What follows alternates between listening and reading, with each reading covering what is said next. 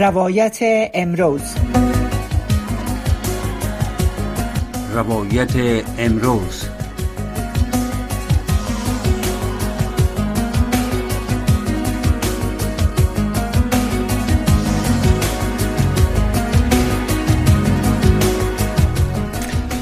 شنونده های عزیز سلام. با یکی دیگر از برنامه های روایت امروز خوش آمدین. آرزو دارم هر جایی که هستین ساعت و سلامت باشین. برنامه های صدای امریکا رادیو آشنا را بشنوین و همچنان در صفحه هات فیسبوک و وبسایت صدای امریکا می‌تونین برنامه ها را هم بشنوین و هم ببینین. اگر خواسته باشین پس از پروگرام آنجا می باشه در برنامه امروز البته در رابطه با برخورد پلیس پاکستان با مهاجرین افغان صحبت هایی داریم. دو میمان گرامی در برنامه داریم که معرفی می‌کنیم. البته گزارش های قبلا از بازداشت مهاجرین فاقد اسناد مهاجرت در پاکستان وجود داشت. اما بساس گزارش های تازه پلیس پاکستان بازداشت مهاجرین حتی مهاجرین را که ویزا و اما اسناد قانونی مهاجرت دارند. شدت بخشیدن اینا را بازداشت می‌کنن برخوردهای نامناسب می‌کنن. دلیلی برخوردها چی است؟ چرا پلیس پاکستان تعقیب افغان های مهاجره به تازگی ها شدت بخشیده؟ دو مهمان داریم حشمت وجدانی خبرنگار و فعال مدنی و همچنان فیروز ایسار خبرنگار اکنون مهاجر در پاکستان. با ماستن امرایشان در رابطه با وضعیت مهاجرین حال و احوال آنها صحبت داریم. اجازه بدین سوال کنم اگر میمان برنامه حضور داشته باشن. آقای ایسار صدای مرا دارین؟ هستین دخط بله من صدای شما را دارم. سلام به شما. و علیکم سلام بسیار زیاد خوش آمدین. تشکر از وقتتان و از حضورتان. اجازه بدین آقای وجدانی را ببینم هستن دخط یعنی آقای وجدانی هستین دخط تشکر بسیار زیاد از هر دویتون که وقتتان اختصاص دادین به برنامه. فکر می‌کنم از آقای وجدانی آغاز کنیم پروگرام. آقای وجدانی یک در کل معلومات بتین در اواخر از وضعیت از چی قرار است؟ چرا پلیس پاکستان مهاجرین تعقیب می‌کنن؟ آیا این خبرها درست است؟ گزارش هایی که پلیس پاکستان شدت بخشیده تعقیب افغان ها را حتی کسایی را که اسناد دارن. در قدم من خود سلام و احترامات خود خدمت شما و خدمت سنانده های نهایت گرامی شما تقدیم می‌کنم. بدون شک که پس از تسلط طالب بر کشور متاسفانه آزادی بیان و رسانه ها با سرکوب و سانسور شدید مواجه شده است و زمار زیاد از خبرنگاران و همچنان کارمندان رسانه‌ای به دلیل حراس از طالبان کشور را ترک کردند و به کشورهای مختلف به ویژه کشور پاکستان رفتند شما در جریان هستیم که طالبا با شکنجه لطکو بازداشت خبرنگاران در افغانستان ادامه دادن و این موضوع باعث شدن که یک تعداد زیادی از خبرنگاران کشور را ترک بکنن از جمله به پاکستان به عنوان پناهنده که بتونن راه را از پاکستان بریابند و بتونن به کشورهای مورد نظر و کشورهایی که زمینه انتقال خبرنگاران را مساعد بکنن بروند. متاسفانه باید گفت که در این اواخر در پاکستان تحولاتی به وجود آمده و اینا در اکثریت مناطق دست بازداشت های افراد زدن. از جمله خبرنگاران که چند قبل اینا از منطقه در اسلام آباد هجوم بردن و یک زیاد از افغان را با وجود داشتن ویزا و پاسپورت اینا را بازداشت کردن و انتقال دادن. که از جمله دوست و همکار نهایت گرامی موقعی سال که با ما حضور دارن اینا از جمله کسایی بودن که توسط پلیس بازداشت شدن. تشکر بسیار زیاد. از شما دلایل باز هم می‌پرسیم اجازه بدین به عنوان مقدمه و آغاز از آقای سارم بپرسیم. آقای سار چه وقت به پاکستان آمدین؟ وضعیت چگونه است؟ برخوردها با شما چگونه است؟ سلام به شما و شنوندگان ارجمند شما. من در تاریخ 26 دسامبر سال 2021 پاکستان آمدم. متاسفانه در شرایط کنونی قسمی که گزارشات مطرح هست وجود داره برای افغان ها در هیچ نقطه از پاکستان آرامش وجود نداره. فشارهای بسیار جدی پلیس بالای مهاجرین افغان وجود داره در هر جای در هر ایالت ما شاهد برخوردهای بسیار زشت پلیس با مهاجرین افغان هستیم. از جمله در اسلام آباد که ما زندگی می‌کنیم هر اسگاهی از هر گوشه و کنار اسلام آباد خبرهای می‌رسه از وطندارا و افغانهایی که اینجا مهاجر شدن. بنابر دلایلی که برای همه روشن هست. که متاسفانه مورد برخورد زشت پلیس قرار می‌گیره مورد خشونت قرار می‌گیرند بندی میشن زندانی میشن و متاسفانه این شرایط است که افغان ها با او در پاکستان و بسا نکات دیگی دنیا مواجه هست. آقای وجدانی گفت خودت هم با برخورد نامناسب پلیس مواجه شدی. چی این واقع چه وقت رخ داد؟ چی برخورد چگونه بود؟ بله دو شب قبل ساعت 11 بجه شب بود که در ساختمانی که ما اونجا زندگی می‌کنیم تعداد زیاد از پلیس ها آمدند و خانه ها را تلاشی کردند بسیار با یک رویه تند. در حالی که ما پرسان کردیم ازشان که دلیلی به تلاشی شما بازجویی شما چی است شما به دنبال چی هستین؟ هیچ توضیحات حاضر نشدن و ما بتن خانه ها را تلاشی کردن و افغان هایی که در او بلاک زندگی می کردن را با خود بردن به اداره پلیس. که من در جمله امو افغان های ساکن او بلاک بودم که طرف پلیس بازداشت شدم و به امو اوزه مربوطه پلیس انتقال داده شدم. از طرف هم بعد از رفتن ما از بلاک پلیس دوباره وارد خانه ها شده و بسیار بگونه زشت با خانم ها برخورد کردن. خانم ها را مورد باز بازپرسی و بازجویی قرار دادن. این در حال است که هیچ نوع اسناد سند یا مدارک قانونی که برای بوده باش ما در پاکستان هست از طرف پلیس در اون موقع بررسی نشد. وقت ما به حوزه مربوطه پلیس ما انتقال داده شدیم. اونجا هم برخوردشان خیلی غیر انسانی و اخلاقی بود. سوال های سوالات را مطرح کردن بابتی در این حوزه که ما در افغانستان مصروف چی کار بودیم چی فعالیت هایی داشتیم. اینجا چی فعالیت هایی داریم؟ با کی ها می‌بینیم در کل سوالات از این دست منابع مالی ما از کجا تنبیل میشه؟ با کی ها در بیرون از پاکستان در ارتباط هستیم و امثال هم سوالات را مطرح کردن.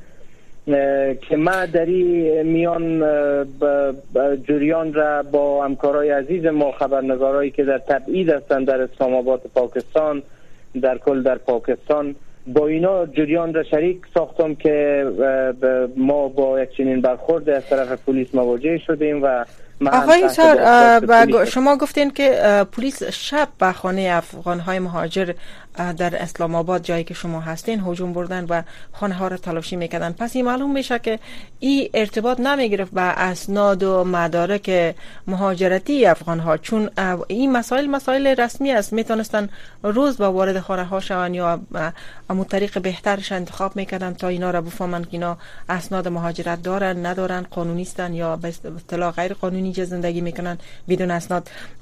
شاید خیلی دلایل از اینا کدام شک دیگه کرده باشن بالای مهاجرین؟ شما چی فکر می‌کنین؟ چی بوده؟ چی گفتن؟ نکته که نکته که برای ما واقعا سوال برانگیز است و متاثر کننده است است که اگر بس بس بررسی اسناد است به گفته شما روز می‌تونست به گونه رسمی موضوع مورد بررسی قرار بگیره. ولی با تاسف این موضوع نیست و موقع یا بجه شب وقت آمدن بر اطفال بر خانم ها و برای کلگی وحشت خلق کردن و ما واقعا یک فضای توان با وحشت را شاهد بودیم. متاسفانه تنها دو شب خلاصه نشد. دو شب به همه بردن. باز موضوع بازداشت ما از سوی همکارای رسانه‌ای ما خبرساز شد رسمی شد. و با همکاری خبرنگارای پاکستانی آمدن و مرا از بازداشت پلیس بیرون کردن. ولی بعد از اینکه این موضوع مطبوعاتی شد و تعداد دیگه از وطندارای ما که در اونجا در زندان بودن اونا هم رها شدن. ولی شب بعدش باز دوباره پلیس به او آدرس آمد و من وقت در عوضه مربوطه پلیس اونجا شاهد بودم که بسیار از افغان هایی که اونجا بازداشت شده بودن که خودم هم شامل از اونا هستم پول تقاضا شد. از طرف پلیس گفتن که در بدل پول ما شما رو رها می‌کنیم. در غیر از او برای شما امو دوسیه را مندازیم که شما برین به زندان و امیال ما ای کار می‌کنیم. اگر شما به ما پول جالب است که در اداره رسمی بسیار به گونه رسمی از ما پول تقاضا شد. که من خوشبختانه بعد از با همکاری همکارای رسانه‌ای از بازداشت پلیس رها شدم. ولی از سایر افغان هایی که همون شب با ما یک جای بازداشت شده بودند پلیس از هر کدامش پول گرفته و در بدل پول رها کردن افغان ها را. و وقتی من بعد از او مصاحبه را داشتم با رسانه با چندین رسانه های مختلف مصاحبه داشتم و این جریان را که وقتی من شرح دادم با تاسف که شرایط بر من دیگه هم سخت شد و ما امروز صبح دیشب آمدن مشخصا در خانه ما و مرا می‌خواستن بعد همسر ما برشان گفت که نیست در خانه. صبح وقت ما آمدیم و امروز هم سه بار در بلاکی که ما زندگی می‌کردیم به دنبال ما به خاطر ای که ما از فساد موجود در دستگاه پلیس و خازی که هر روز افغان های ما متاسفانه با این مواجه از پرده برداری کردم و ای را بیان کردم و ما فعلا تحت تعقیب پلیس هستم و از خانه که زندگی می‌کنیم آمدیم در یک موقعیت دیگه اسلام آباد مخفی هستم متاسفانه این داستانی هست که ما به عنوان خبرنگار با او مواجه هستم و می ترتیب رویداد و اتفاق دیگی که با هر یکی از افغانهای در که در پاکستان زندگی می‌کنه هر روز اتفاق میفته متاسفانه. خودت ویزا یا کدام اسناد که مهاجرت مهاجر بودن تا یعنی قانونی تر نشان به اسناد مهاجرت باشد. داری؟ امراید بله بله. ما با ویزا و پاسپورت وارد خاک پاکستان شدیم و پس از ختم میاد ویزه قانونی ما برای تمدیدش درخواست دادیم که ما هم ورقی که برای تمدید ویزه خود درخواست دادیم را با خود دارم و حضور ما کاملا بر اساس قوانین پاکستان. شما گفتین که وقتی که شما بازداشت شدین تعداد دیگری هم در همسایگی شما بازداشتن. یعنی در یک منطقه تعداد زیادی از افغان ها یک جا یا نزدیک با هم زندگی می‌کنن. چقدر هستن تعداد اگر تقریبی بگوین در این پلازایی که ما زندگی می‌کنیم و همون شب که پلیس بازداشت کرد در حدود 20 نفر از افغان های ما بود. که یک جا ما را انتقال دادن در حوزه مربوطه پلیس. این یک پلازا و یک ساختمان است که اونجا ما زندگی می‌کنیم. یعنی 20 فامیل در اونجا زندگی می‌کنن در یک ساختمان. در پاکستان پس از تحول نظام و روی کار آمدن نظام طالبا تعداد زیاد از وطندارای ما افغان ها بنابر تعدیداتی که اونجا متوجهشان از در افغانستان و شرایط سخت که از طرف طالبان تحمیل میشه بالای مردم آمدن مهاجرت کردن پناه آوردن در پاکستان و در اسلام آباد و سایر شهرهای پاکستان تعداد بیشمار از افغان های آسیب پذیر از افغانستان آمدن و همینجا به سر می‌برن.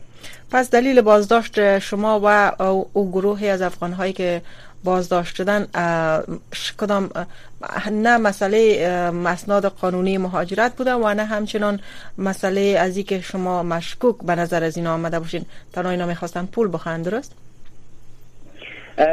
ظاهر اساس گفته های خودشان که درست هم توضیح نمی‌دادن می‌گفتن که یک بررسی امنیتی هست که ما انجام میتیم ولی بررسی امنیتی چنان با روی تنده که حتی بر اطفال که در اون خانه ها زندگی می‌کنن وحشت خلق کرده بود. صبح امو روز باور بکنین که من با اطفال وقت صحبت می‌کردم. اطفال که با هم یک جا در خانه زندگی می‌کنیم از ما سوال می‌کردن که آیا باز پلیس میه باز پدرم را پلیس می‌برد؟ بسیار وحشت زده بودن. خودشان ظاهرا این موضوع ما دیدیم در حوزه پلیس وقت رفتیم اونا در کنار ای که تحقیقات از ما انجام دادن بعدش در بدل رهایی ما پول تقاضا کردن. و تنها به این اکتفا نشد که شب بعد پلیس آمد در امو ساختمان دوباره شب بعد باز اسنادار مورد بررسی قرار دادن.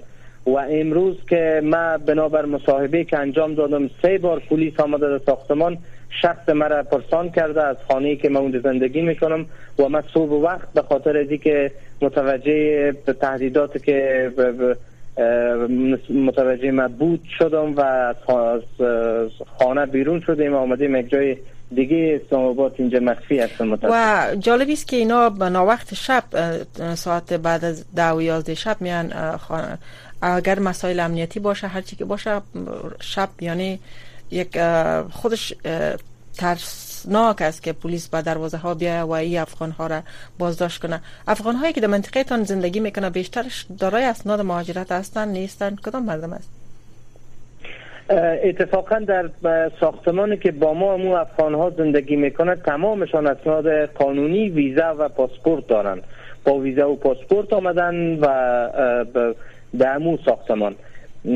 از نقاط دیگه اسلام آباد و سایر شهرها ما اطلاعات دقیق ندارم که چی از آقای وجدانی بپرسیم از در رابطه با دیگه نقاط چون آنها با فعالین مدنی و دیگه خبرنگارا در تماس هستن کار می‌کنن.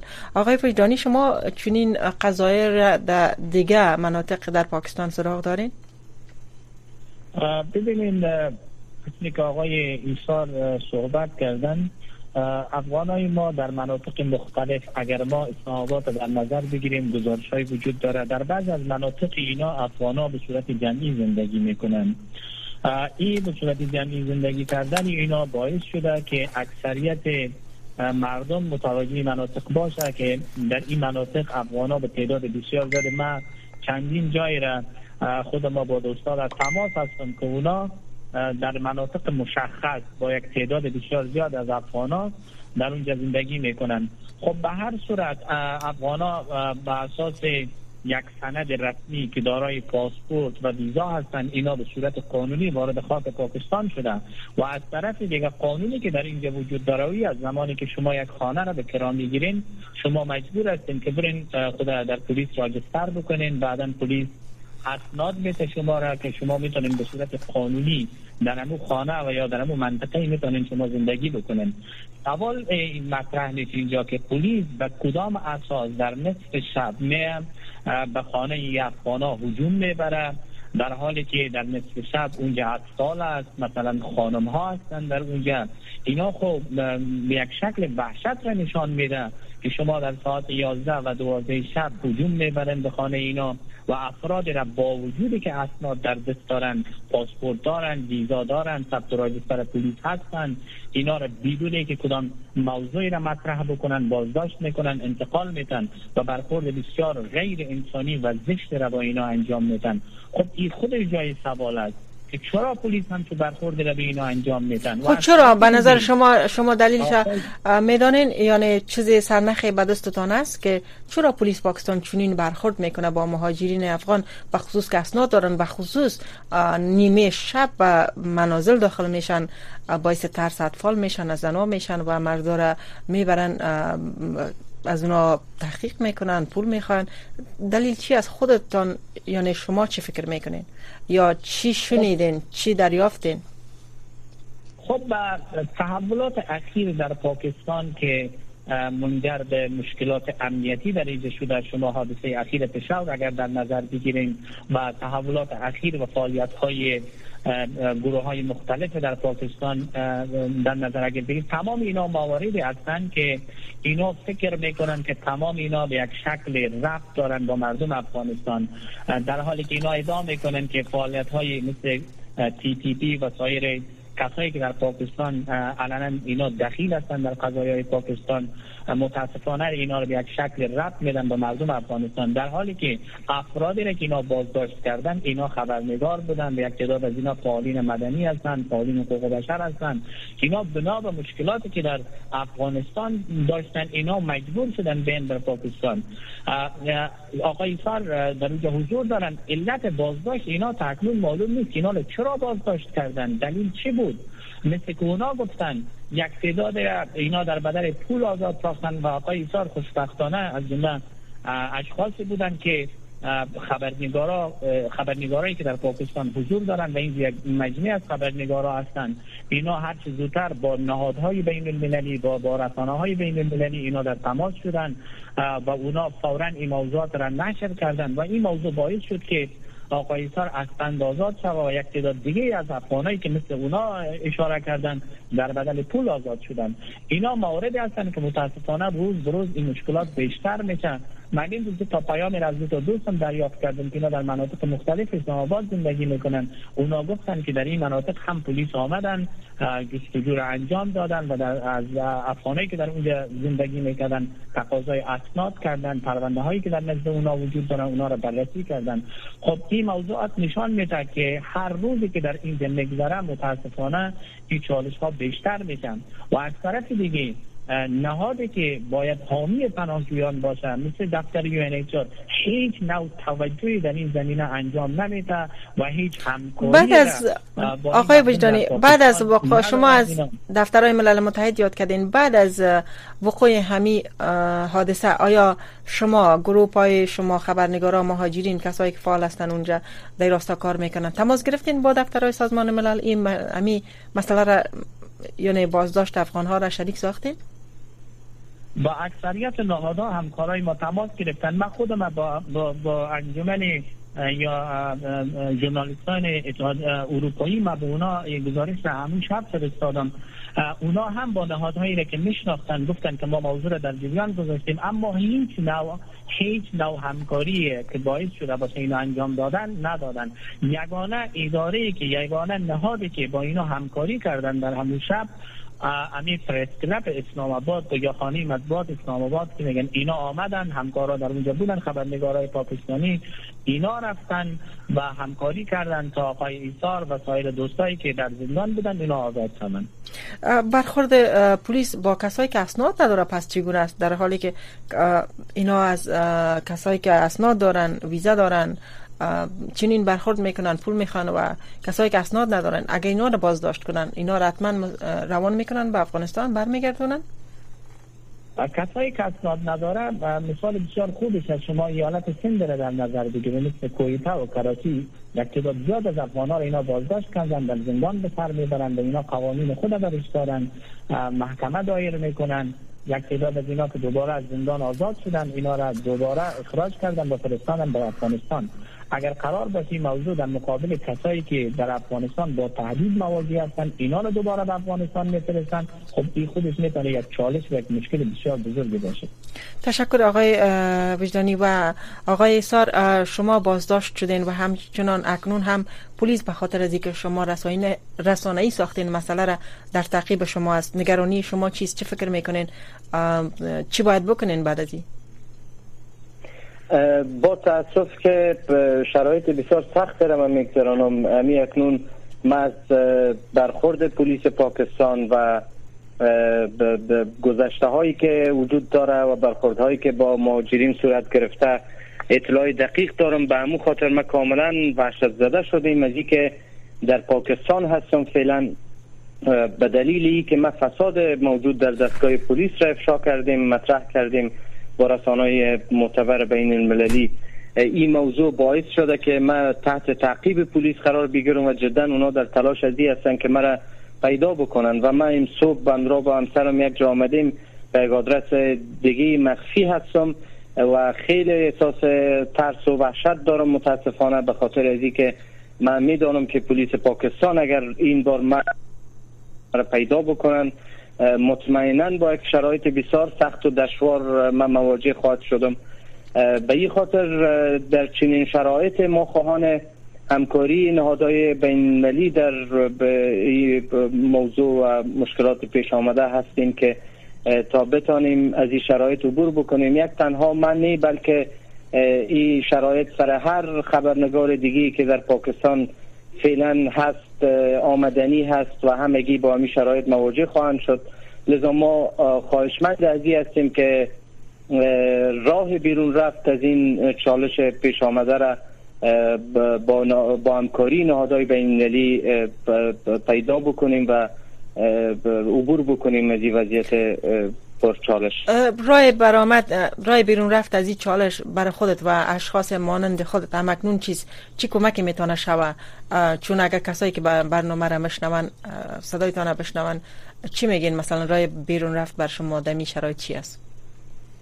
در شرایط کنونی ما خواهان از هستیم که از دولت پاکستان و پلیس پاکستان خواسته شود تا در حقیقت عدف از این فشارهایشان را واضح بسازه و باید پاسخ بتن که چرا به این ترتیب برخورد نامناسب با پناهجویان افغان دارن و این رفتار باید عوض شود و به خاطر نجات مخصوصا جامعه خبرنگاری و خبرنگارایی که اینجا مهاجر شدن نادای بین المللی اقدام بکنن تا اینکه بتانه این خبرنگارایی که فعلا با ترس و وحشت اینجا زندگی می‌کنه و مخصوصا من شخصا که با بیان این واقعیت ها به چالش جدی مواجه هستم کار صورت بگیره که از این وضعیت نجات پیدا بکنیم. چقدر نهادهای بین المللی برای شما خبرنگارا و کسایی که حداقل می‌خواین صدا بلند کنین امرایشان صحبت کنین قابل دسترس هستن؟ اگر هستن کدام سازمان ها هستن؟ من شخصا با سازمان خبرنگاری انجمن خبرنگاران بدون مرز آلمان قبلا در تماس بودم و بعد از این اتفاق چندین ایمیل کردیم متاسفانه پاسخ دریافت نکردیم. به غیر از او هر آدرس از نهادهایی که در سطح بین کار می‌کنن وجود دارن ما تقاضای کمک و همکاری کردیم با اظهار تاسف که هیچ پاسخ دریافت نکردیم و از هیچ آدرس مورد حمایت تا فعلا قرار نگرفتیم و فعلا هم که در یک چالش بسیار جدی مواجه شدیم تا هنوز هیچ آدرس به کمک ما نرسیده و وحشت ما بیشتر شده میره به خاطر از که هیچ حامی وجود نداره تا ما را از این وضعیت وحشتناک رهایی بده تشکر. و یک دقیقه کمتر داریم. آقای وجدانی به نظرتان